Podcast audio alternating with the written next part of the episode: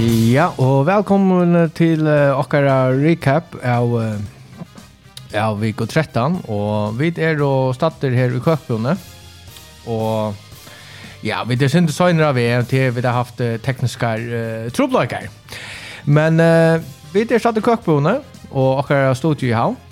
Og henda sender fyrir litt av okkara Spotify-venka under NFL-følger og som er jo Send høstdag kl. 11 og leierdag kl. 16 Radio FO. Sending kan også finnes av heimansvinner Radio FO. Til tikkum, så lorset dere og første ferie lorset dere så får vi ta oss av først engst, til vi sier at vi kommer bruke enska vendigar, så finna så vi brukte daglig et helt at det kommer til NFL, altså teknisk uttrykk som rikker best, jeg bruker jo opprunda former. Og i det så er vi, et, ja, til jeg, Peter Asbjørn, og så er det Peter Hansen, tekniker, og så er det eh, Arnar Berg, Arnar Lockberg er av ved, og Akna Presta, han får nok av vera vi ivra telefon. Så velkommen til denne podvarpen nummer eh, 13 tja okkon. Og til Skrajen, hon er eh, så vera mann, hon vi byrja vi nokre tøyendom, og ja, sørsta podvarpen, vi ikke nekv tøyender, men vi hava nekv tøyender til hentan potvarpen. Så jeg skreier, og så kommer vi til å ja, for jeg gjør noen ganger Disney, ikke takk noen av oss an, men her er nekk for, ja, man kan si, spennende Disney, og så får vi uh, takk ansvar, ja, NF, NF, uh, ja, uh, NFL playoff-meting. Og ja, det er faktisk tvei som har faktisk med Mats her spalt seg ur playoff. Och så kanske jag har en par ranking, jag vet inte. Och så får vi där gissa. Uh, och ja, det är faktiskt grejen uh, Peter och vi sen det pressa det är ju väl det är ju man säger sen det uh, textkar Albiongar uh, nu. Jag har alltid vid en här onkra tekniska Albiongar. Eh vi står lucka teker bara Jag syns inte de skriver till mig ner att det är också skall vi göra någon som har luggat lustig och kostar jobbar. Så just det bara teka faktaboxarna nu, eller så. Å oh, ja, eller skal jeg takke den bare i noen? Ja, takk så godt. Ja. Jeg tar ikke tøynden i kjøkkenen, og til er... Uh, uh, til første, til er at Titans har sagt uh, general manager uh, John Robson ur Starbe.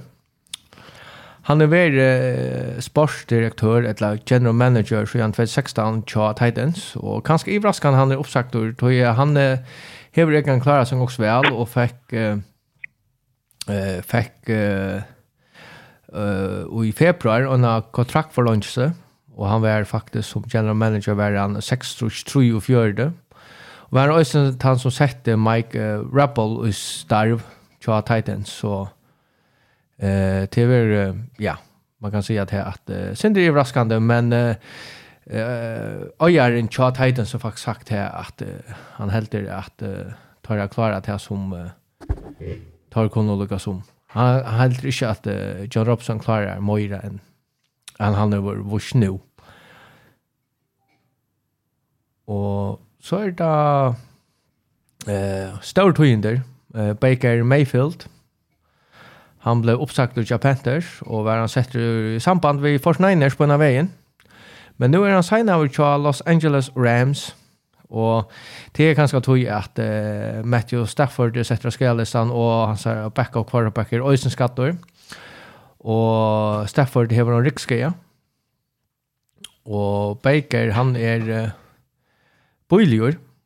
Rattliga bojligur. Tror jag Rams ska börja jalta 1,35 miljoner dollar i kontrakt nu 2022.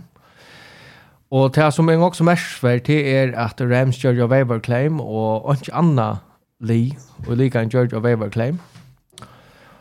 Och det så säga att om Baker Mayfield uh, signer vi att Anna Lee og i hesen off-season så uh, ja men så får det også, kom også pick at fire.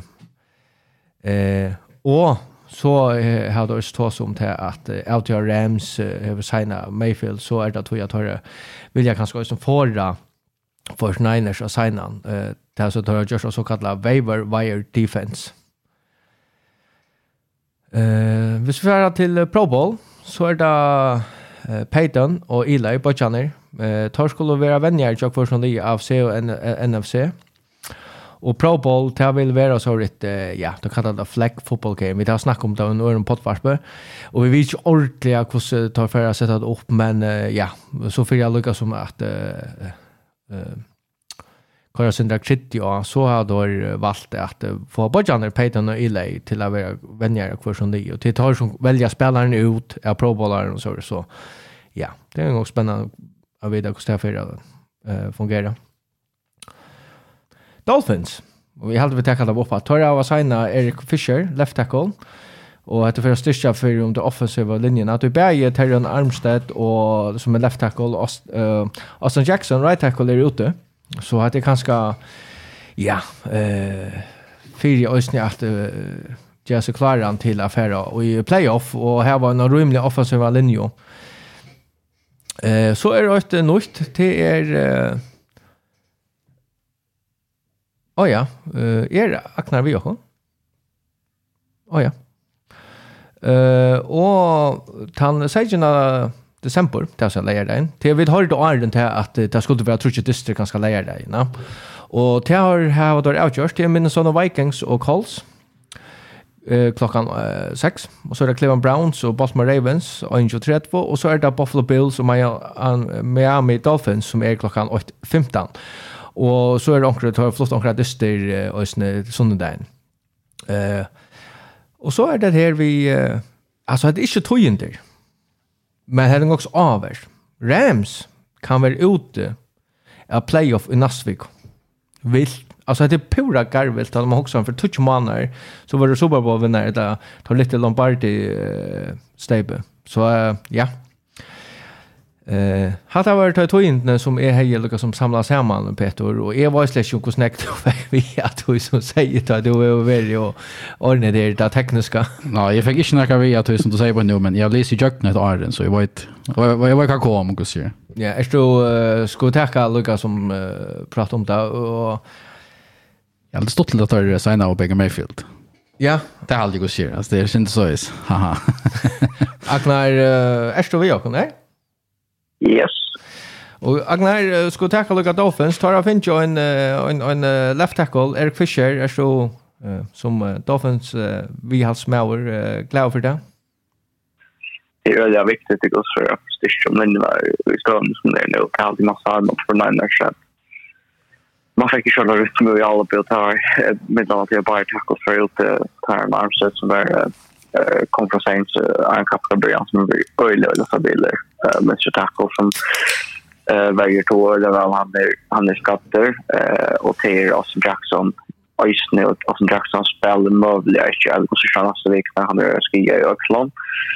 Så Erik Fischer er det fyrre av det som det overall pick som kanskje ikke rykker så eller vel i eh och kanske det kyrkos i Schweiz men men Gosern Lenter spelare som kan vara vitt att jag hjälper nu tar ja viktiga decision som man the chargers och Bills för Roma.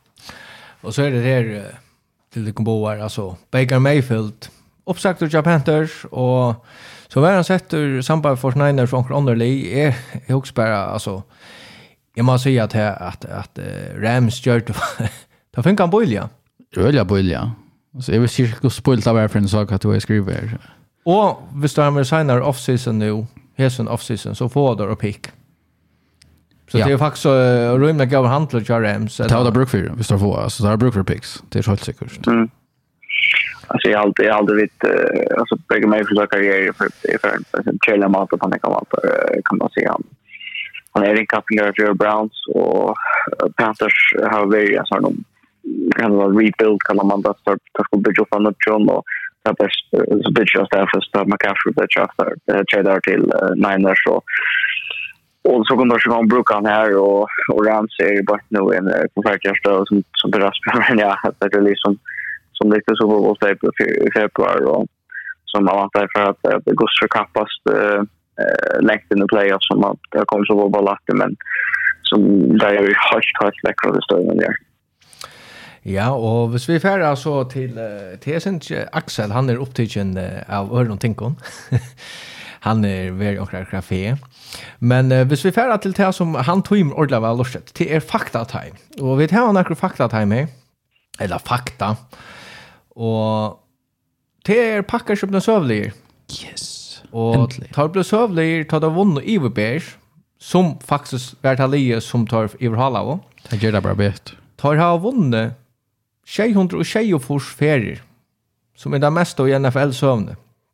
Og Bears, som tar kappas med å ha vunnet 606 ferier, som har faktisk haft disse rekordene mest vinnande lig i NFL, så er 900 og 21. Så sier så ikke det. Og så fer vi til det som Peter Aksa Dam Ordava, Skorigami. Og, og det hendte jeg fire ærefer her i Kappengare, til er Cowboys vann 4-3-9 i Calls.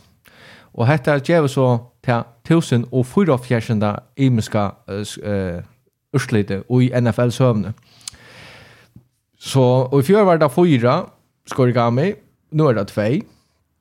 Fyra og søttene, så må det ganga ut. Altså, helt ærligt. Men uh, Cowboys, du har hatt en, ja, man kan säga, en går en quarter. Uh, tar, uh, tar fink og 33 sti folk förstår. Mode calls. Och tänk också ja det två ting som gör det här att uh, det är det största uh, skoringsdifferential i NFL sövne. Och det är 33 poäng det mest näst mesta närkande skora och en folk förstår i NFL sövne. Eh uh, Browns eh uh, tar skora av Shaggy och mot Houston åtta han skår offensive touchdown. Jävligt imponerande. Alltså defense var bära och special teams var bära. Helt eh, enormt eh, gott. Och det är faktiskt det mesta som näkra Leo skåra så Jan eh, nu jag fem så han skårar ett offensive touchdown.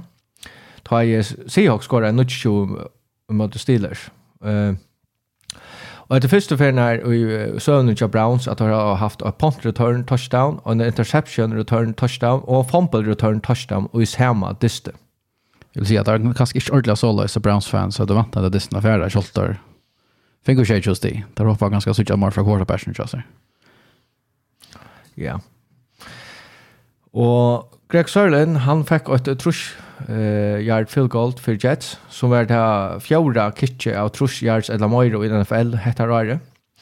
Hettar uh, er så uh, jant vi uh, 21 for det mest uh, alltså trusch plus yards field score skora og jag är og jag är någon kappingar och det alltså jag sen ger ena för att rätt så så får han ansamma rekordene Christian Watson det med han tja og en viss man som sitter i Vremer.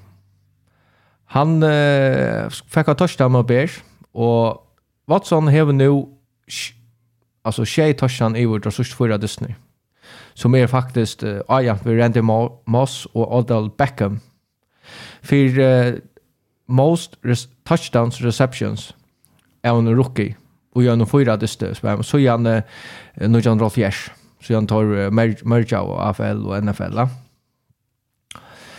Og så er Iverskriften er Thai is like kissing your sisters. Ongen, altså amerikaner dam ikke jaunløyger. Så det kom Commanders og Giants eh, tar gå og til nasta eh, jaunløygen i NFL. Og det er uh, først for noe 2008 vi da var se två jaunløyger og i samme år. Og i en tviste så var det Giants uh, første eh, jaunløyg som jeg var 2008. Ta det øysene, var det i Washington. Så och det var första taj av kommenter så gärna 2016 då det var mot Bengals och i London. Och så får vi till Hurts. Han är redan gåvor. Han är fantastisk gåvor. Jalen Hurts uh, blackar för 340 yards och, och 3 touchdowns. Och här gör rushing touchdown i Titans. Och det här gör han också speciellt. Vi hade första färgen här og ger han til den første spelaren og ikke søvne til at uh, være iver 300 yards passing eller Moira og vi tror uh, passing touchdowns og en rushing touchdown og i øynene dyste. Uh, Justin Fields han var her i Øysland for innan dyst. Han har 600 yards uh, touchdown uh, run og var han den første quarterback i NFL-søvne til å ha minst trutjar karriere touchdowns i vår Alltså rushing touchdowns, överallt rush yards eller mera. Uh, och hette en hette en rekord som han har fax brukt minne i en annan säsong som Chicago startar eller Bears startar ja. Så han spelar brukt han så fyra fem dyster på allt. Ja. Jo, alltså det är pura väl. Effekt för check och så nu nu är den två veckor ganska tänt. Aaron Rodgers Överskriften Still Owns Bears. Vi i Green Bay tar det vunnet i Chicago, så er Rodgers nu 25-5 og møter Bears. Eh och till han tredje quarterback så jag nu John Rushla vinna 25 dyster av hans här 30 startar i motor Oinon eh kappingar alltså samma kappingar. Och hin hin bara är då Tom Brady mot Bills och, och Ben Roethlisberger mot the Browns. Så färra vi till uh, Rams. Och tar er 3 och 9. Tar hava til ringas rekordene av nøkron Superbowl-vinneren i Jøknon 12 viker. Jeg råkner heldig for at det er ikke fengt av i løtene. Nekrande i at det råkner vi. Tar i øyne eh, til at vera til ringas alle at han har vunnet til er siden 95 tar Broncos for 26 at han har John Elway eh, ja, eh, leik gagnar på hettene om å si det så. Så færa vi til en mann som er tog i mittla snakke om, men til Tom Brady. Han spalt ju en manna styrst, og han ble søvlig. Uh, og det sövlig just när det var at uh, till 13 på en comeback var till näst største uh, fourth quarter comeback av Brady. Og det ena som han mörda till att han var Super Bowl tar han var nødjan på en 18-4 Falcons. Eller han ja, tog nødjan på en gud. Hette först för karrieren, karriären av Brady her han vinner en uh, dist Her var 13 poeng Moira og i tøyne sørste 5 minutter av Disney av Forkvarter.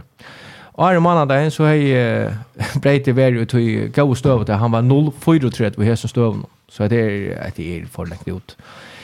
Uh, touchdown passet til White som kom vi tar tre sekunder etter av noen, er ja, ja, the latest go-ahead touchdowns pass of his career. Øysne, så fikk Brady hans 6-års karriere, game-winning drive, som faktisk utbygde hans karriere. Og så fikk han en rekord. Han fikk Øysne hans 44 karriere for quarter comeback, som faktisk kallade han for Boy Peter Manning för det mesta i NFL søvn. Så han tar bara alla rekorder som han kan ta nu, va? Ja, men ja. Han minner akkurat om om en, en gåan Ronaldo som blev för närmare till han fick men ja han tar alla rekorder hästen fortsätter så vi har vera gå. så att det var fakta time ha Magnar och nu kom Arnar hej Arnar hallå Eh så ja, några fakta här. En en affär och det är en gång stort levis fakta.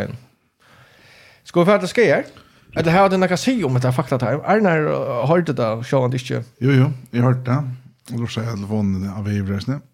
um, Hatt och tärn for etter nu va? Så igjen, det vi. Ja, det det är för att bliva. Ordliga sövligare alltså så. Alltså vi kommer kanske nämna den dysten mannan men ja ja, släpper ju inte. Nej. Och så sen han tid att. Jag tar det att va. Jo, men ska jag. Ja, tar det runt ekver. Vi har tackat oss runt det bara där ganska tjej åtta där högst, högst, mest profilerade av spelarna som, som blir skatter innanför de sista veckorna. Bär jag är en 18 vikskift. Ja, och han först är Fan Miller. Är ute med knäskaja. Ja, vi tar oss en romman sista veckan. Ta visst vi körde hos allvarligt av er, men nu visste det sig att han var nöjd att få en operation. Ja. Vi knäger, så han är ute i resten av världen. Till en öjlig missar fyra, fyra Bills och tar Super Bowl, Super Bowl Dreymar. Ja. Halvdje. Just det, man hoppas han får vinna back-to-back uh, Super Bowl, så? Ja. Ja. Så er det en som faktisk har vært omskyldt seg ut av Twitter om at han ikke tar det over og 6 minutter og 18. Han er faktisk heibalten, og han tar ikke å takla over. Han, var, han ble skatter og ærene, og han fører out of bound. Men til Mark Ingram er mulig ute resten av ærene. Han fikk en knæske, og han halta i, og så får han renna, og jeg mener seriøst, han kunne tidsje, han var tar tar mar markera en yard men det är alltså hej han bara kommer till att spela spel. Ja. Come on. ja. Och så är det Trevor Lawrence. Han är uh, små skatter man ja, han är han är day to day så ja. han han kom för lugga ut ända av förra laget allt där men han var så att det långt ta hålla igång lever och spalt det lite någon och han spalt ölja väl nu så det större missservice service tar så plus skatter alltså miss la miss flirdist alltså en early quarterback han han har blivit några år. Ja, det är det början av visan då alltså allvarliga. Och så är det Robert Quinn. Han är ute och han är eh, alltså för Eagles är det en större missur. Ja. Så det tar trade sig för till han uh, från Bears. Mm. Och nu börjar han akkurat fettla till och börjar spela mer och mer. Han är inte bara så nekv än, men han, han, han gör mont han är inne, det ser man. Och nu är han ute i förra veckor med en 18 knätroblöka. Det är Så öjlig knätropplögar eller, eller skier. Det är skärsta på att det är något vågare och det här behöver han att till playoffs. Ja. Det är viktigt att han kommer 18 fyra veckor. Det är inte menisken eller något sånt kan han gjort i. Tar bort och Lisa sig grön om jag brukar ratta skäckvar till bestörre spela artificial. ja. Back vi eh artificial grass. Men uh, Jimmy G han är alltså först sa det han var ute men det har visst sig att uh, han ska inte opereras så då kanske han vantar han uh, han kommer attor till playoff. Ja, det är vånen tjata i mån och det här må man säga. Det, visst har skulle näkra vånen och vinna näkra som helst i playoff så må han komma attor. Ja, jag vet inte annars. Jag kunde bara svara ett. Du kanske akna hur på.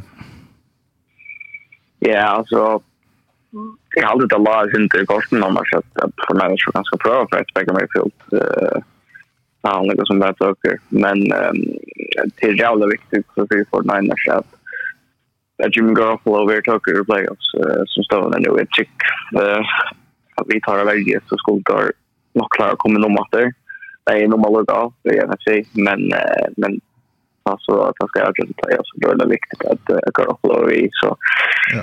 eh men jag vill säga att jag tar uh, under quarterback av väl mot Miami det så ska man Ja. Och han har ett nickname. Brock Brody. Vet du hva det er? Nei. Nei, det er ikke. Mr. Irrelevant. Og vet du det hvor vi? Ja. Det var alltid sørste draft nå. Ja. Som nummer... Ja. Han vill kalla Mr. Irrelevant. Han är Mr. Irrelevant. Det är en första år som blir Mr. Irrelevant. Du kallar det nummer... Ja, det varierar från ett lag. Han är... 306 tror jag. Ja. Just on the top of my head, da. Men uh, ja, och här snarare nog var det faktiskt det, det varierar från Artlar. Jag har faktiskt skolat ordentligt kött i också det. var. 202 tror jag jag. Och så fjör var det att vi nu tjatt tror jag, R4 var det att vi mal tror jag. Det är också det där missa picks av omkring. Ja, ja, det där. Compensatory picks är det ösnen förskällig från Artlar. har det finns ju förskällig picks av 3-8 ösnen. Men ja, Brock Brody, uh, Brock Purdy. Brock Brody, det var säga fram i vår. Ska han ner? Brock Brody. Men uh, han gjorde uh, han kom in och tack honom och tacka men han uh, han kom in och gjorde uh, touchdown pass uh, och blev faktiskt ösne sövligur. Eh Ja, Sanger, han är Mr. Relevant så tar trick tar trick att det snägg på han men det har stått över han hej kunna kom ju just åt först. Han gör en annan quarterback som är rädda chattrum till att det etapp jag fantasy att detsamma till Lamar Jackson. Han får ut skattor och det är en stor missur fyra. Ravens, det må man säga. Jag vet inte, det här är backup could be Huntley eller något. Ja. Han klarar sig väl senast han skattor gör. Inte så väl, men alltså han är... Han tar vann och akkurat. Han är bein och han är fin en arm alltså. Tar vann och akkurat och field goal allt, ja? Ja. Ja, ja, men... Uh, men uh, Sean det alltså, men han kommer nog att som tror jag viker också där och Ravens så jag väl ut så hade chans största missen jag år av att Lino så. No. Running back Kenny Walker. Han blev smaskattor. Och han spelar för Seahawks. Och han är men hon är så kan kanske morra vecka till vecka men han är en, en, en faktiskt en rymliga tutningar med spelare i tar offense. Ja, är han fancy? Skjønte? Yeah. Det gör vi ødelegget över skaven i år. Satsen synes for. Men Peter Frank säger med, han, han vill vi i vikskjuten, så jag tycker vi är fullt och fast på Peter Frank. Och i här som døvån så färra lyfter till höger och vinstre, og kan ikke bara ner. ja, det är så bra med noen spørninger. Men ja, jag, jeg stod lyset på, på Peter Frank. Okej. ok. Men, jag vill ju öjna stål på det där. Jag skulle vid Atler Morge. Online, David Bakari, han, han, Han är bara oheldig. Ska vi bara säga det? Jo, helt det. Jo. Väl. Vad säger du om det Peter? Är så... Så att det är bara ont allt allt jag lägger. Så rister vi hött nu. ja, alltså det är mer än vi veck och i 8 1/2 år alltså vi har en knätroplaga. Han blev skattor kvar i playoff eller bara en playoff för två månader sedan. Vi veck jag då är och börjar så spela jag och spelar faktiskt fint. Inte några prankande helt dörr. Men så knappt så färd han i halvt ett betänt i blindtarmen. Det är också blindtarmen då samband. i luggar vi brösta så man opererar veck.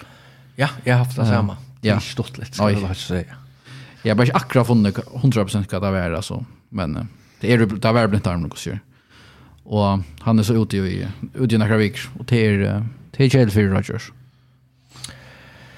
Ja, och hade var skrev ner Hör du några som man säger lägga trätt aknar att jag var snä vi meshingar eller Ja, alltså jag aldrig alltid att kan haft konserter och om du bättre kanske inte sker som Lamar Jackson till att Ravens vi och Lamar Jackson till en öliga större mumma. Alltså, för han kan, han kan spela bättre än löte, men, men det är att vinna uh, Denver Broncos, uh, ganska mycket från XT och, och så är alltid att Alexander Jackson är ju vid den här veckan så kan det bli eh så kan det bli att inte problematiskt. Ja för Baltimore Ravens och point nu så jag vill komma in i playoffs runt att check men så tar på en fördel så short och bara när vi tror på dem så Ja, det verkar ta rycker, va?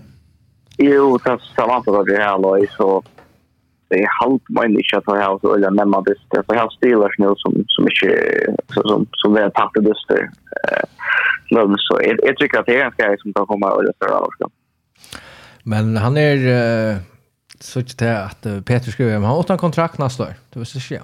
Men uh, jo, Mm. Tar han inte av hans grunter nu lunch men han vill inte. Han vill ha en Ja, han drar ner jet som Chris Carson Georgia sin så få en monster kontrakt nu tar han är faktiskt liv och tar sen drar ett långt kors någon Han kan bara bruka Aaron Rodgers och och Russell Wilson som dömer, ja. Ja.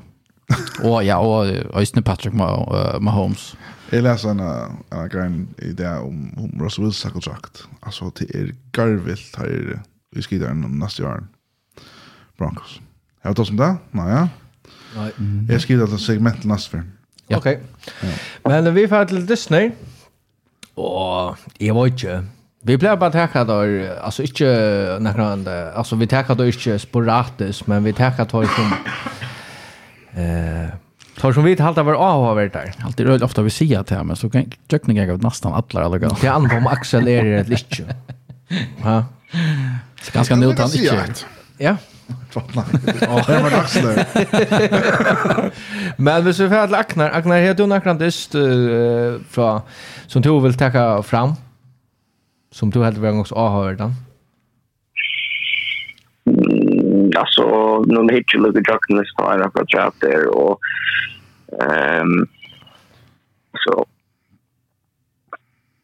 Så vi kan börja så vi har Buffalo Bills vinner av Patriots som faktiskt har spelat också eh viktigt det alltså alltså Patriots är hemma och det här är bara lägga till att kan man säga kan Buffalo och skapa öliga spänning om om playoff nu Eh men men det var så att Bills var förstärker. Så allt i annars att det faktiskt som att mellan Jets och Vikings blev blev en helt gold distance så det kan jag hade haft en urkast så så att för att det kommer spela upp med de större linjerna så är det att Mike Mike White quarterbacker och eh och Gareth Wilson ser Snut som en receiver som, som kan göra större mål och heter egentligen är ju stor contender i NFC.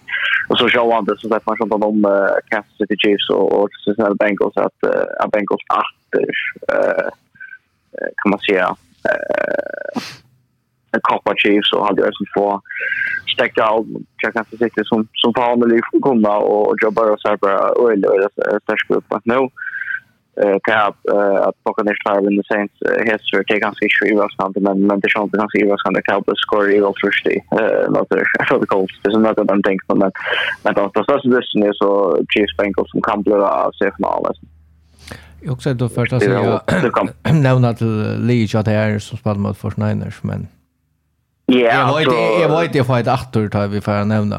Nej, men Sean det då då nej men så vi kan gå för det här går ju att då så ska ju att alla första play och eh så går det då vad som som ändå är til Sheffield men och så ser det faktisk ut som at det gang til alle ikke det er ikke positivt men ikke mye godt, og buss skatter og så skal men spelar igjen tur och ändå quarterback men Men Dolphins lugger en grunn til at det mangler sina tackles som, som vinner, och tog att många blir en av Eh, retnur eh, tar eh, tabishi där ända mot oss världen så får nära så bars och de har röjde sig och reda och och varje så ofta spelar en liggande så som du tjäl i texten att man har viker hemma nu slåss bättre än hela linjen som så är det känns samma stöd som man där man när man försöker spela upp att vi inte klarar att, att spela upp nöter och nu kan man se att det är offensivt inte en nackdel men får spela De spelar Tandisten flotter sex över till Sunday night. Det vill säga att eh, uh, de flott Tandisten från Sunderkvall till som Malalag. Och så flott eh, um, i halvdelen Brockostis efter, som yeah. Kishu efter. Uh, Hvis Chargers vinner Adolphus, så er det kanskje Ølja, så bare en distrikt linje, så burde Ølja knupe mot playoff-låsene. Dolphins er med denna Bills eh, eller Bills hans så. Så Dolphins er Ølja kan spille mot Chargers som det är det er där ja. va. Jag ser som skulle skolan och pandis. Mhm. Och Arnar är det några kandis som du vil lägga som? Jag kan ta Chiefs uh, Bengals att ta sig tvärfrån tandisten i fjöras, nej. men uh, men tandisten var så läs att det var earlier man sa väl att Jamar Chase var attor och han gav en annan dynamik och tar all upp. Han är så helt extremt god spelare. Og jeg halte, stralt man tar seg skåren han er, så undervurderer man Lutsinter. Uh, til Orange Line at Chiefs og secondary er, er, er, trash på den gamle der. Det klarer ikke vel i møter uh, Leon som, som, som kastar nekv. Det klarer seg mer mot Leon som renner nekv. Bedre mot den timen. Men som oftast er det så Chiefs, det er som Barcelona tar Frank Rægars spalt, det er bare skåren mer enn hinner. Men Chiefs, det er sånn defense spalt vel senest. Mm. Men det er også Joe Burrow som fer uh, Chiefs-mennene ristast. Og jeg vet ikke hva gjør props til Joe Burrow. Han vet, altså, jeg vet ikke hvordan han kjenner alt ut av India Chiefs. Det det er, altså, det er en løgna som jeg var så på han når jeg viker fra det efter, men, men jeg er passende til at Han är alltså han är Chiefs tappade den disten här mot Bengals. Men han har vunnit han har spelat trutcha för mot Chiefs, vunnit trutcha för. Ja, Ja, men eh är passande till att Chiefs tappade den disten här tar der hadde... Og grunnjøvingen er? Tar hadde en åtta drops, så du sier hva han Uh, Kelsey fomplade en affær som var øra tydninga mykje. Ja, det gjør han. Og, og her var nekka støver her, her Chiefs vanligvis komma og lukka som konkurra där støvna, men, men her er Jack Hineveien, alltså.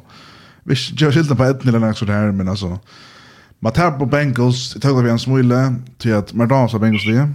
Algeria. ja og og bara maten tar liksom som eh, drafta männen på senaste två åren och så det är ju chill att mot Bengals men uh, men det är garanterat säker på att han vinner där playoffs så kommer till alltså Bengals. Okej. Det är så det här ja. Han vann och sucha för innan för jag har det där det är inte så klart. Är är Shamdri Arne. Kan se då när så Shamdri Arne. Nej, jag vill inte man kan bara så proklamera att så så så jag får checka aldrig för med Samalien men Eh men jag alltså jag hade kanske the Chiefs Herbert själva all upp som som kan vinna och från att då och men kan kan också dra vara mot till kan det då sitter så här rör som det drops och pump och pump som som inte är viktigt då men men kan det annars som Bengals så jag ganska flyr sen och bra där effekt för Josh jag säkert snabbt Chiefs som som har sån Josh nu så ja mycket längre innan. Det var allt i alltså Chiefs hava third down conversion på down procent i år faktiskt som skidar dem fram till det nu. Tog sig bara löktingsmän. Men eh det det random till öl till chamber bara det även åter. Men eh jag vet inte vad det är. Ak. Kanske det här att man hevet här i hoa man tappt tvärför mot dem och tar spela sin psykiskt in. Men men men det var ting här här halda en trutch eller fyra third downs som som det kasta och i area här där skulle lofta, här man ser det är offensivt säkra lofta. Här där missar bollarna.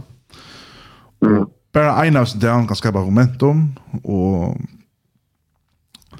och möjligen kanske få ett uh, field goal in så det är anläggare, men uh, Mm. Men men Bengals defense, jag vet inte hur att att att Bayern som kan jag skulle kan naturligt är ut det någon men maten jag hukte Disney på och sa lika som momentum swings så så vidare och hur så heldig det var till tjejer. Hade bara show att Chiefs tappade Disney. Jag hade Men kastet det är Chiefs fan sida. Jag hade ölla av värst start kom upp på skärmen ta en för Disney. Jag hade att när Kelsey fumble.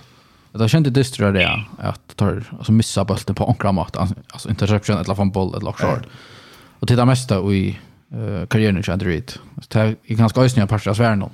Ja, hvis de lukkar for større på det, så vinner de faktisk. Alltså, negativt. Ja, vi blir ju arg i fjörreisen i at Chiefs tappte den förra dyster av fem og och tills det var flättan och så er Jag säger bara när vi at tagit kom att och väntat och... Jo, men det är bara, jag tror mig også er en annerledes större än. I fjör var det sälja väljaren här her, at du att det är stadig och ting til sekundär, men, men ta tassa väljaren har skrivit ut om, om Holmes tar det først kommer ut, Men, men jeg tror at Chiefs bare er veldig Safford, og så Safford tappade en större än dyster. Eh och det som är det som faktiskt att betona det att Buffalo vi låt ner framåt för ju. Eh Chiefs eh vi vi och sen första City låt ner som matcha för få free fist on för få hemma mot Atlanta och Chiefs inte för tre bills på tiebreaker och Bengals nu inte staffa för Chiefs nu har Rice nu tiebreaker mot Chiefs så Chiefs ska ända framåt för eh Bills och och Bengals så säkert om de skulle få hemma mot Jaguars. Alltså kan få nok større avskap. Nu möter Bengals och, och, och, och Bills möter sig i 16 omfärg och så här var Eisen Bengals här var en örinka schedule Eisen framöver som Bengals Eisen här var men det har var Chiefs det här som möter uh, sin lattar i mån till det har haft mm. -hmm. en läkt örinka schedule vill passa det år i början av åren var det tre ringa så men hur landet ligger nu och i och i och i och i hur ser ligger och i wins och losses så i procenten så här var Chiefs det ringaste schedule. Det här, att det här var Broncos därför när Houston och så här där liksom. Alltså tappt när det tar så som fast med det där Bills och Bengals så. Ja. Eh men men tar tappt av det snacket det som Jag vet att tiebreaker när men men tar vi Nej, nej, det är också mer mer till plats att Italien som mode playoffs. Här det Buffalo och och och det som var bara tar en betröja för han men men det här var alltså det jag säger att på spasiga det som chiefs att jag känner mig om då så det tas med sant alltså det är så att eh att chiefs vet alla ju som chamber så på varje FC men men helt ganska det så för och det ger oss tension på den kaffe i och man ska nog vi som ska finna avgörande för att akta Bengals och, och, och, och, och, Chiefs er ikke hjemme, av du, og det er ikke så større ut, vet du, så er passende til, til, til reisen en faktorer, og det spør ut, vet mot Bengals. Ja, men det er ikke tog jeg at det kan bli så, så stort tap, om, om, om det ikke vekkene til at, uh, ja, så, men er det jævlig interessant av det, jeg har klart at, uh, at det er som vinner en AFC er, er har rett og Super Bowl, tross om, tross Nikos Vikings har flere sikkert enn Bills, Chiefs og, og Bengals. Ja. Till uh, nästa man. Vi vill ha faktiskt valt nästan kvar sundist åttan aknar. För till Peter. Peter. Är han akar distro tovis lika som täcka ur rikvene? Så han som uh, jag vill ha att nämna, jag vet inte om jag tar sig men till nämnda snören. Oh, ja. Det blir så Packers.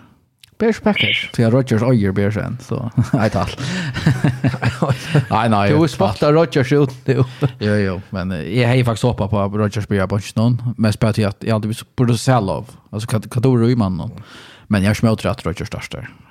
Det här visste och Watson börjar visa sig fram nu. Det är ordentligt gott. Och vånar det blir Dobbs klarar köttet snett. Visa sig fram som vi vi Watson. Vad gör defensive coordinator Bears?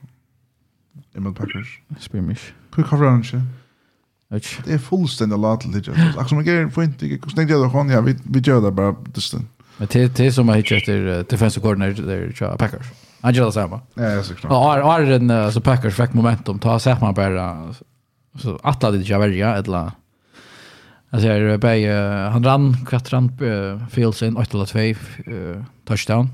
Ja, han är också två Ja, för all för yards. Ja, han alltså han är också i mycket mer två touchdown det lag två stora runs. Eh och touch åtta touchdown var också touchdown. Men alltså tar sig man bara alltså det är inte svårt, inte QB spy eller närka.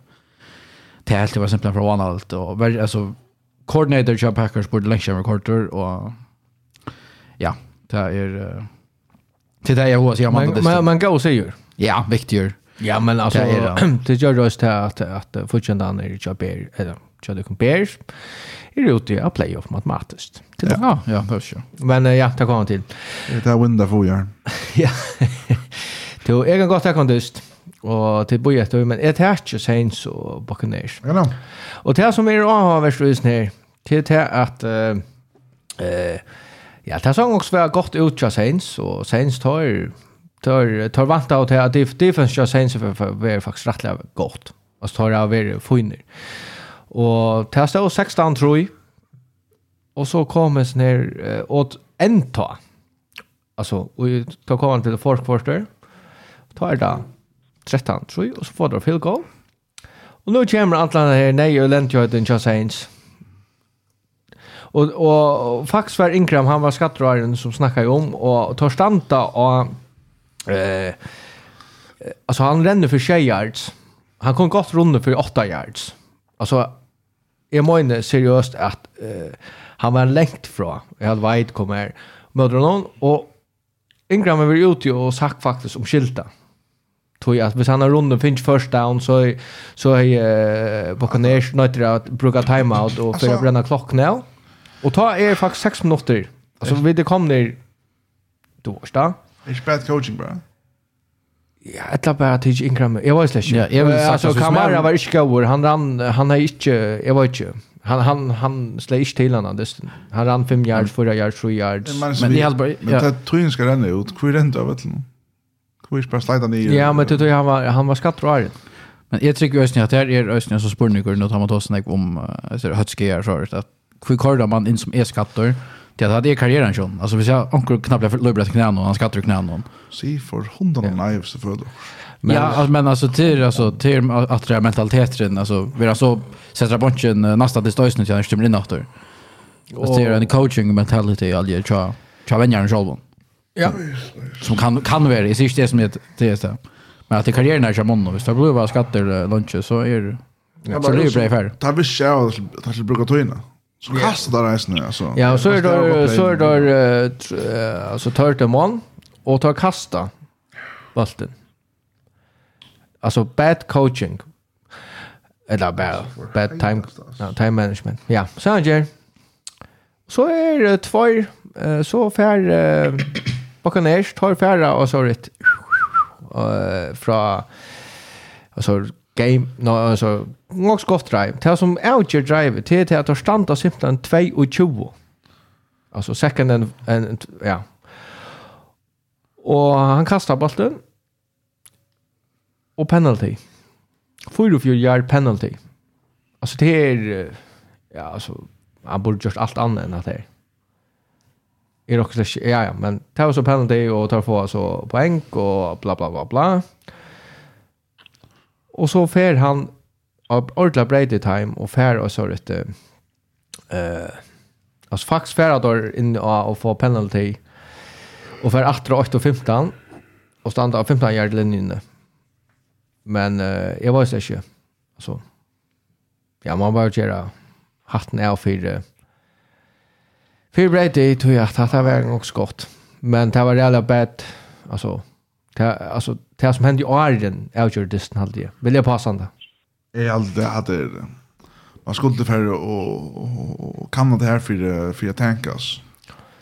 Så, så det är väl rätt att just. Kan du Agnar? Alltså, han tar lär chansen, jag säger. Vi sa ju att väl, jag har några chanser, kom playoffs. Eh, hade vunnit så att det var uppe i 5-8 och... Och inte större mål. Buccaneers. Alltså så Ja, är det väl pur eh, så är det inte stor för att lin. Och sen säger han tiebreakern av Buccaneers ordentligt. Ja.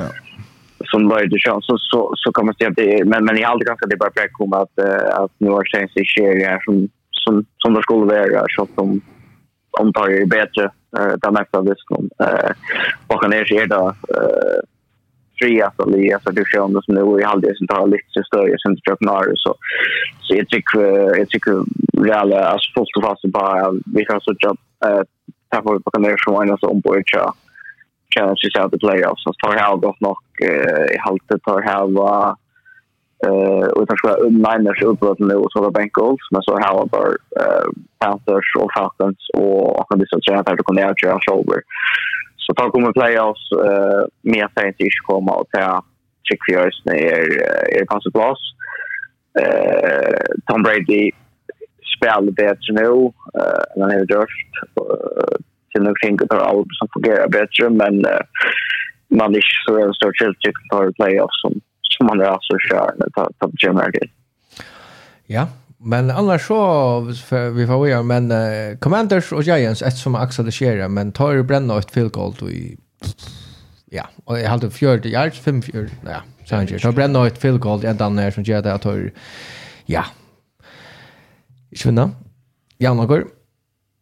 Öliga kjell för boar. Ja, kunde inte bruka snäck. Nej, släck tar man röjner av er, så in i hand, för det sista playoff-plåsen här. Och Raiders vann mot Chargers ting också vers det är ganska av vers han nämner nu. Ja, det var inte Adam som uh, spelade från i år. Alltså han var bär, jag har alltid att det är de bästa uh, alltså en av de bästa nu som jag ser. Ja, alltså jag har haft det här helt eminent gott alltså inte. Men Taylor Heineke i Commanders. Ja. Han finner Commanders att spela näck bättre. Mm.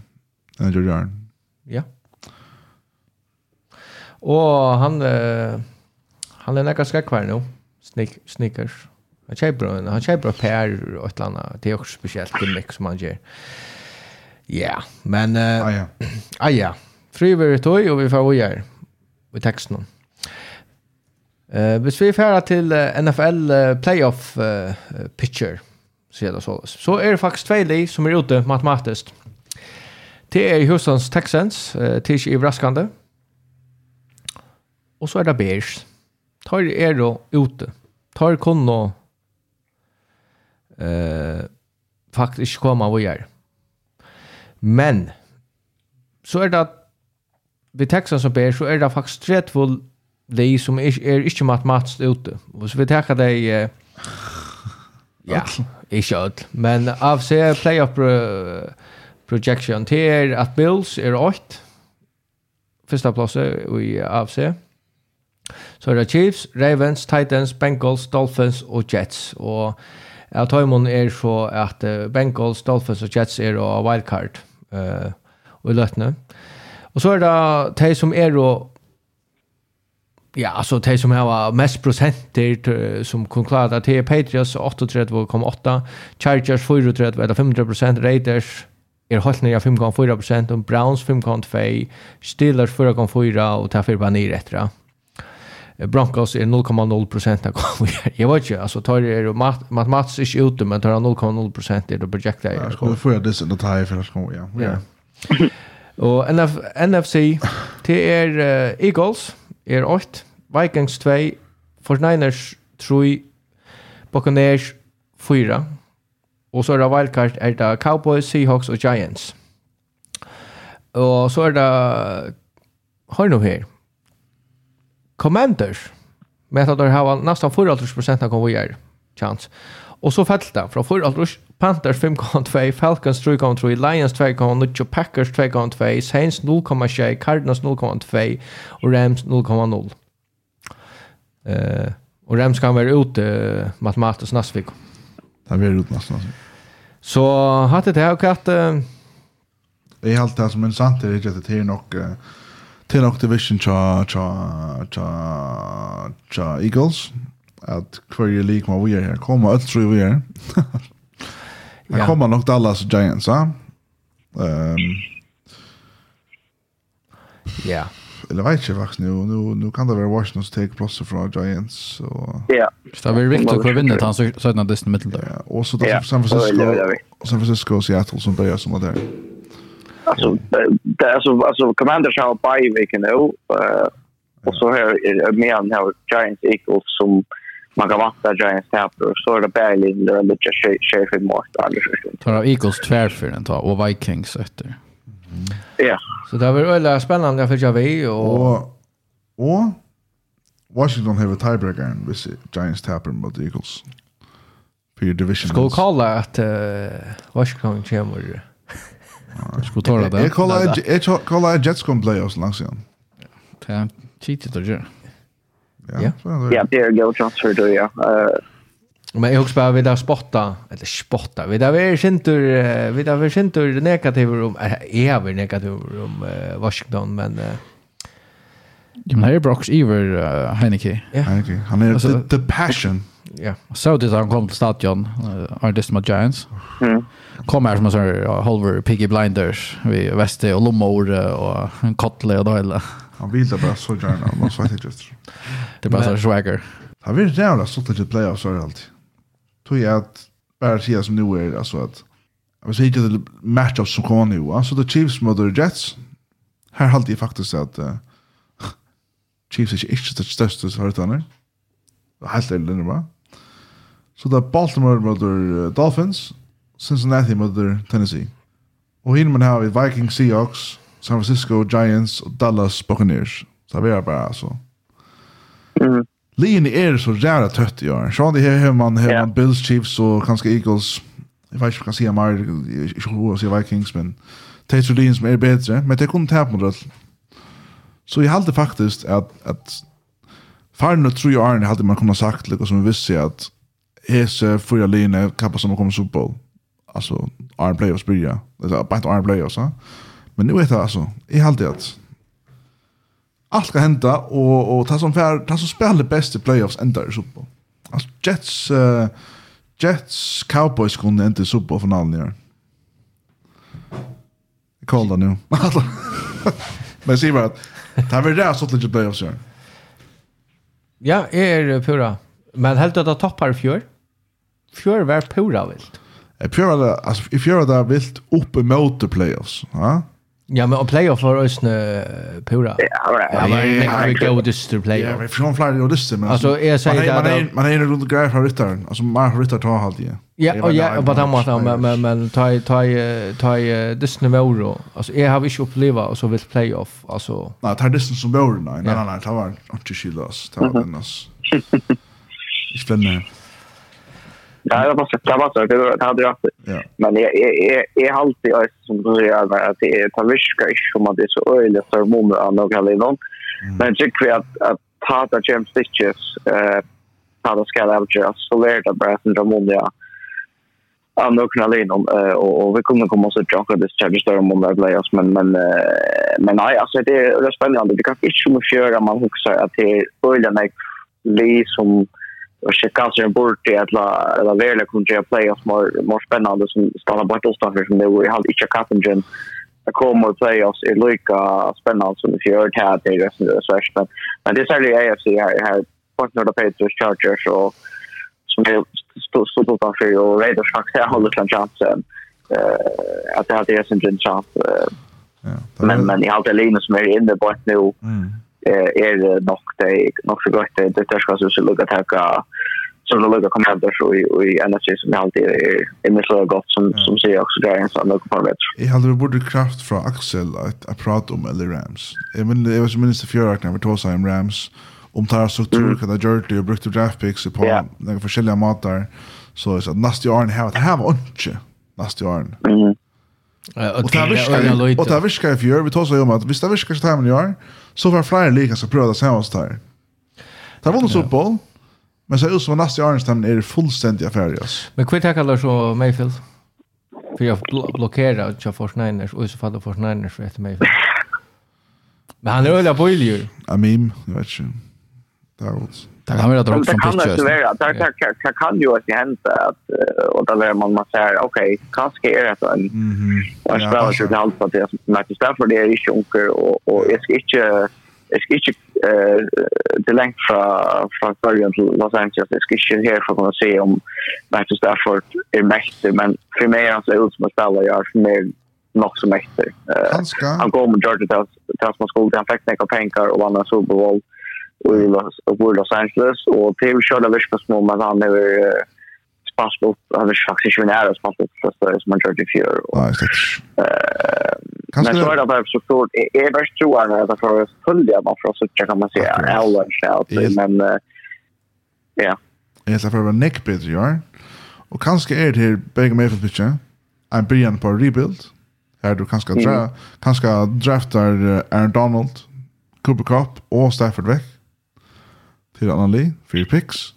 Mm. Så väl den nya quarterback nu när jag bara dömer alltså och och flyr det. Nej, Cooper Cup är kanske ska med det så på.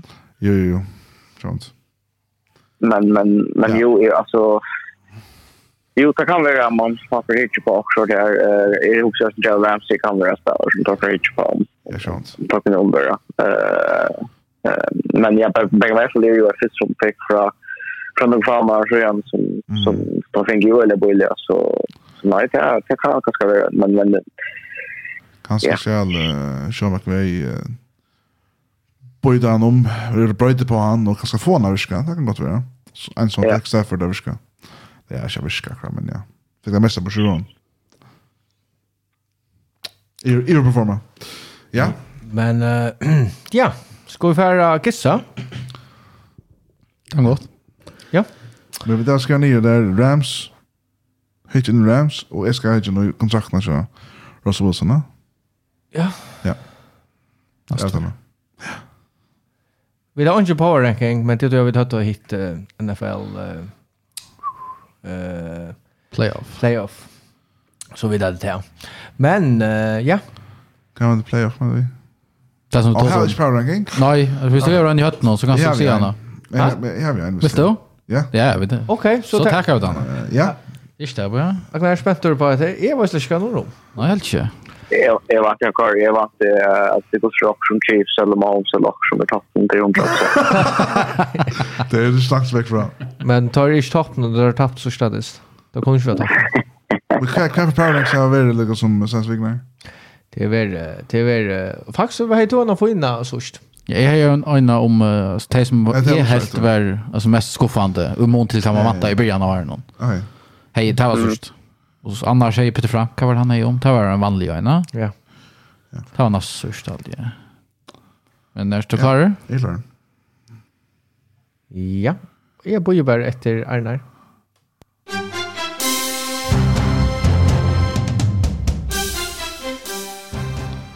Ja, så er det Power Ranking atter og skrønne. Jeg har valgt at ikke fem topp quarterbacks i NFL. Det var ikke haft her i langa tog, men uh, lær meg byrja av en, en god uh, saftig on uh, femte plasse. Nå forstand listen kommer, det var fantastisk, men uh, vi byrja vi gåa gamla Joe Burrow av femta plasse.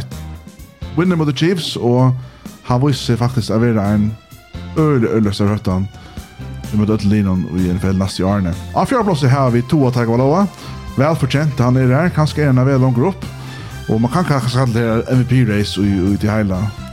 Tove Dagalova som har fullstendig brøtt, uh, brøtt uh, støyl og alt at nå questions om han alt før. Og han sa jo som han vil en øyelig god franchise quarterback for Miami Dolphins neste årene. Jalen Hurts sjående av tria plosset. Det kunne bare være topp 2 som er rett år til sjående og Aaron Plosset, Josh Allen. Han er ikke vært så surprising senest i årene. Det er senest Disney. Men uh, han ska nog komma åter. Och första blåsen här vi körde som Agnar säger mannen åtta när Anna Taylor Heineke tajt fast. Patrick Mahomes.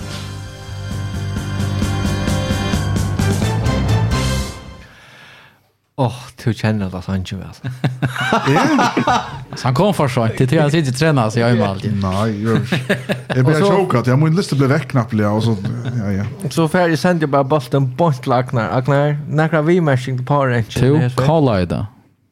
Ja, ja, hon säger att det alltså det är alltid så att Sean kan da diskuteras, men, men jeg har aldrig lugat att at kan diskuteras. Så, eh, och och Josh Allen är är veldig som det omtør par år, och kanske jag alltid kanske som shot med hade då så hej på ett så bara och och tog om till att jag hade Joe Burrow är det är visst jag jag var men tog aldrig ska präkta det så långt tror men men att hvis man också kikar på nu efter quarterbacken i NFL så är det så aldrig det fint att han är han är han är pass på öle öle väl och är det mest precis det mest precis quarterback i NFL han och Gino Smith är uppe. Ja. Jag är då har haft men men att de långa kosten är då är två år per mån och så är det jag här jag har så bra väl där mamma Joe och Justin Harper det här har som jag så att det görs en bra statistik men men jag hade ju också att att till till för nog att att det är något vi så så det är ju en att det var spåren till vi vi har ju alltid att det är en runda en lista som Jever kanske övergår man i Lamar Jackson här på era mat över när det går quarterback men det är också mantla No, ja, ja, nämnde jag. Han är marknaden att tänka här. Så. Men det är ju simpelthen att till Heineken också. Så läcker på hans lustan. Det är det som han har gjort. Att det är bara för... Alltså han har finns ju faktiskt Washington Commanders till att bli gåva. Alltså för att hicka till linjen till Washington. Ta det här bara inte offensivt. Jo, är det sant. Det är han som är norska vapna. Alltså, alltså McLaren och och Jared Dotson som är först pick och Curtis Samuel som är en av de goa startspelare i NFL plus plus två running backs kompletterar kan i i halv inte att det det så att det är att han har inte men men att han är just av allt aldrig inte man kan man kan gå så att Ja, men i häst kan du säga det så där att man är korst eh Mahomes, Allen och, och Jalen Hurts och elite quarterbacks. Så har man franchise quarterbacks så har man Tua Tagovailoa, Burrow och Lamar Jackson. Och så har man kanske Gino Smith och göra reisen. Och i tog i listan. Helt og Jaren Hurts er, helt og Jaren Hurts er elite och nu, är eller något som han har vurst i långt tid. Nej, alltså Bant nu, vi vill säga sån bant under här alltså du vet. Kan och i elitklassen ja, Sen har vi Mahomes och allt. Mm. Men eh där kunde vara med George on lista över tar alltså inte ta MVP race eller quarterback men Moira tar som har klarat sig i förväntning kan vi förvänta. Gino Smith är en av dem. Ja, ja. Så är det Tyler Heineken och... Så är Mahomes och Allen i Sverige och nog helt inte Joe Burrow allt. Nej, Jared Goff är det som vi går vi är. Ja, Jared Goff, Heineken och... Gino Smith. Men men har ju faktiskt också en alldeles i förväntning. Ja, ja, ja. Han är... Alltså han är... Kirk Cousins. No. Justin Hart, Jalen Hurts och Gino Smith ligger bara 108 och i passer rating som Haxley och, och Hurts över uh, Fox interception så har vi vi Brady och klarar den av Boston. så så det är en ting som man lever att Karan Fisher och Lee från Onaturalist och complete alltså så det det är hacktel vissa men det är bara spurningen. att det kom playoffs equal och visst så äntligen Super Bowl Han ska spela mot det FC Lee gosse gosse går är han på men, men man kan ja. han är väldigt fantastisk och jag kan Nu säger Kirk Cousins. Man skulle ge shout out där för till Kirk Cousins annars och då så får det där. Han är Ja. Jag säger Kirk Cousins och Pet Pet säger nej. Ja, ich topp him. Ich top touch. Ja, ja, ja. Här här kan blåsa. Alltså Cousins är en Topp man kan vara game manager i NFL. Alltså han han styr allt album väl, flow med allt Ja. Han är ja, något han bästa, det utan bästa skivan nu i alla fall. Ja, ja, pricker. Ja, okej. Okay. Ja. ja. Han ser inte i topp 5 mest överraskande. Helt så han är Han ligger sex där tjej, vet jag inte. Jag vill sagt det är att om vi bytte li och namn om det vill säga att Aaron Rodgers har just akkurat samma skakrossen Josh där och det var Packers och det var Touch 2 så jag var MVP-race. Ja, men till till till på grund av jo, här här här är samt du. Till på grund av Rogers. Ja, ja, jag pura samt. Eller så det. Ja, men Men man hickar jag jag har vantat sen till tvätta så står nu på namn Östnje sen du. Alltid. Ja, vad jag ordlar han har. Jag ordlar mig ju att har spalt Östnje. Halt i tvätta så står Packers var ju i på sen till tar vunnit 13 dyster men alltså 1000 så Jag ska köra det. Men tror jag tror jag test man tar vi man ser om Vikings på nu. Alltså Packers var det vanligaste 13 och tror det. Ja, alltså näkran då. Och Vikings är av vetla blå av vanligare än det. Alltså Ja, och det var ju flyttat från power liksom nu. Men det har vi åt. Ja. Till jag måste säga till att jag har ett för överraskande från samma liv. Quarterback. Zach Wilson och Mike White. Jag också det. faktiskt Cowboys Dak, Dak har klarat sig bättre än vad folk hade väntat. Och Cooper Rush. Ja, de har vant liksom. Ja. Ja, ja, ja. Okej, ja. Det är faktiskt två quarterback på samma linje som klarar sig näck bättre än kvart. Ja, man har ju väntat. Man kan inte skicka Rush. Alltså Dak Prescott klarar sig bättre än man har väntat. Ja, tror jag att Arden spalt han faktiskt lätt väl Arden blev skattad. Det kan du faktiskt läsa till statistiken, men, men han, har spalt spelade faktiskt inte väl. Jeg har alltid sett Elga som pojkar här utifrån at han ikke har så veldig godt der, men eh, jag vet ikke, han er ikke kommet blasande inn, så han gjør nok sina fejler sen han kom inn at det faktisk. Men han var förra oss, han fick förra oss steg mot det kallt. Det var som är tattar i en stund. Och sa du stund? Nej. Det som är tattar i en stund, han säger. Och... ja, jag tar skåra sig i fourth quarter, det där. Ja. Alltså garbage time här kallas det går upp alltså. Jag menar att det var det att tatt. Det är slitt se det, det får jag inte slita. Men det var ändå seriöst. Ja, spännande till Portgård. Ja. Det Jag har aldrig Doug Prescott över Spaster ska det som man kan vara. Han är ju en ny med och quarterback men men inte något mer där. Eh kanske är det bestämd nu. Men för för jag väntar till Kirk Cousins lugga var ändå så alltså jag hade inte alltså han kör alltid nog snack för hate kan man säga och och så här snön och sälja på andra shit spel alla prime time och så har Han har faktiskt pass fullt i år, inte några wow. Eh men han är ju störst så väl han men men det är som gör att han är känd det som gör att han möjligen är MVP det så han har fått sig fast down. Ja, han simpelthen snö. Han är simpelthen snö och hackt till det och det är det man inte han han mycket shit han ligger ikke i toppen av noen kategorier, eller när vi tar Eh och i med som kastar mycket deception som som Jones Rogers har. Just det, har haft där har fyra åtta dyster innanför önskor och drar hon jättlar. Så blir det som där spelar igen. Ja, det är känns det gott men men han är röst till det Justin Jefferson har kastat till. Ja. Det här kör oss näka quarterback så det bättre. Det är det är akkurat det som menar vi. Alltså Tove Peter och till pura samt Arna också samt. Ja? Nej.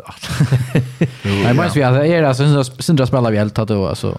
Plovia, alltså jag Chargers är tilltecknade för jag spelar så one score games och täppa. Alltså mm. kanske inte alla mm. men lugga vi. Nu, ja. Nu var jag själv faktiskt time. Du får bryta ämne kanske. Bara liksom bara och snutter. Det kan väl inte ha sagt då. Jane Ramsey, dig dig med Metcalf? Att då som där? Nej. Nej. Nog stått till tar bara nu att nu för att alltså ordet det var det där som sagt ordet det var.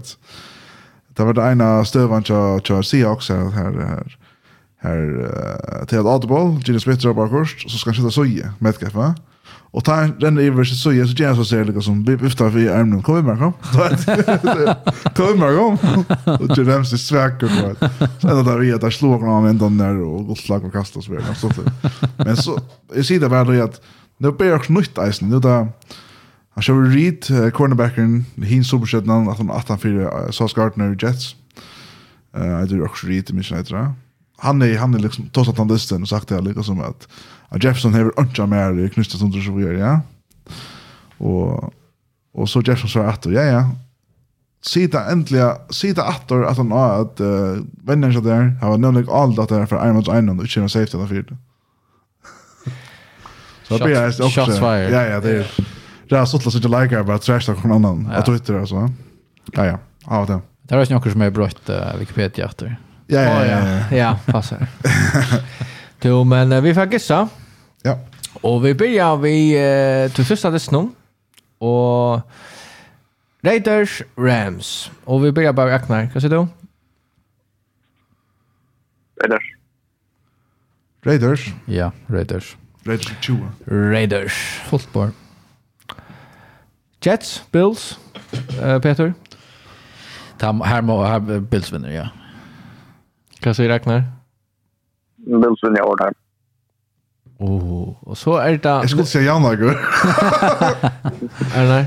Jeg sier att, uh, at Bills vinner i altså, sista sekunden. One score game. Jag säger Bills. Ja. Jag vill gärna Jets vinna da, det Jets on the road. Esten, ja. Så, ja. Men så är det um, Browns Bengals. En avhåverder listur. Ja.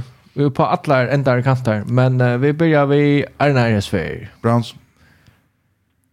Så visst, visst han näka Luigi's där som så och Sörtvig och så vidare Bengals. Bengals. Bengals.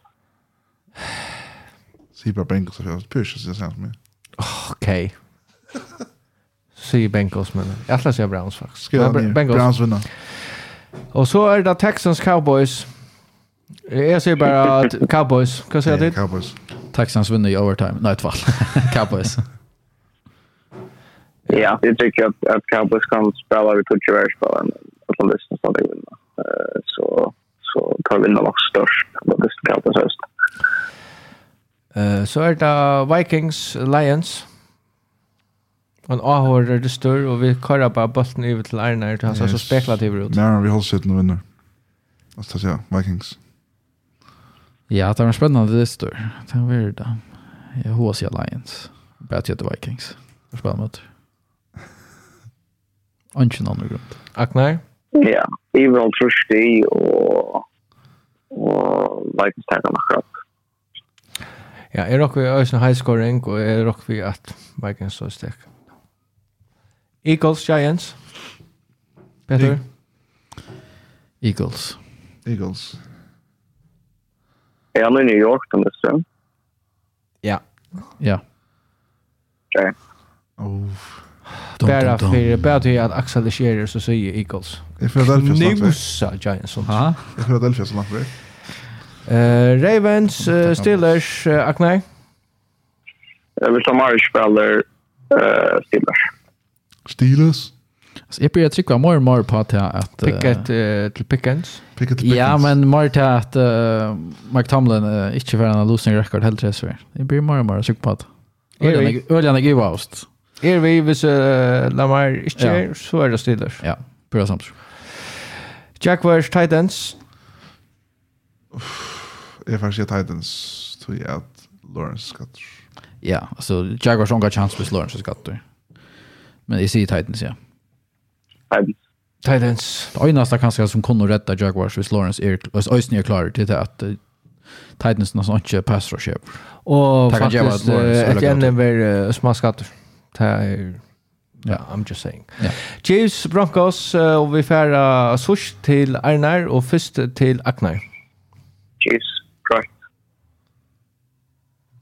Ja, min tur. Jeg sa nok dette. Nei, det er Chiefs, det er vi nå størst. Ja du ikke så gjerne? Jeg håper innelig, ja. Og nå sier det bare at du er hjemme med det. Jeg sier Broncos. Det håper jeg også. Ja, hadde det vært, vært Chiefs, men uh, jeg får si at støvene er sånn. Ja? Det ender nødje 34. 35. Ok. Panthers, Seahawks. Gino. Gino. Seahawks. Det ska jag säga också. Magnar? Ja. Thomas Baker Mayfield läst, ja. Ja. Miss Baker. Eh, Pakistan har varit det stör. Buccaneers och 49ers. Ja, det grunden när han har varit det, men eh Aknar? Niners. Peter. Oh my Buccaneers. Ska jag bara säga för Niners och så kan jag bara köta bollen över till eh vet eh overtime.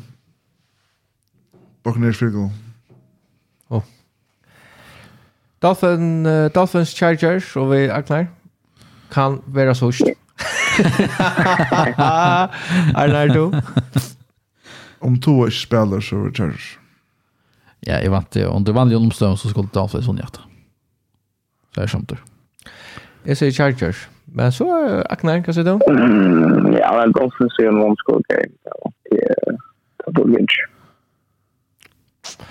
Og den sørste. Og her er det også Så Cardinals vinner, så er Rams ute, og, og, så faller Rams taper. Men sen ger Patriots, Cardinals. Peder? Att det är två liv som är har vi öliga rent jag mött om oss nästan från vecka till vecka. Uh, Men uh, jag jag måste säga uh, ja Patriots Belichick. jag trycker mer på han. Ja, Mauren som gav upp i sista kvartar uh, sista test, Bill Belichick. Alltså och Arne Nagas då. Renna renna kasta slott panta till dessa gera. Patriots. Ja, och defense. Ja. Gjorde fem för det halvtid mot Saints. Cardinals, vad säger jag? Apple Hopkins. Aknar. Man kan man kallar det Jag är faktiskt fast chock. Nej, jag har inte. Så vi, vi kallar så Cardinals oppgaven, Patriots. Ja, jag säger uh, ja, jag var inte til 8 av 50-50. Säger Patriots.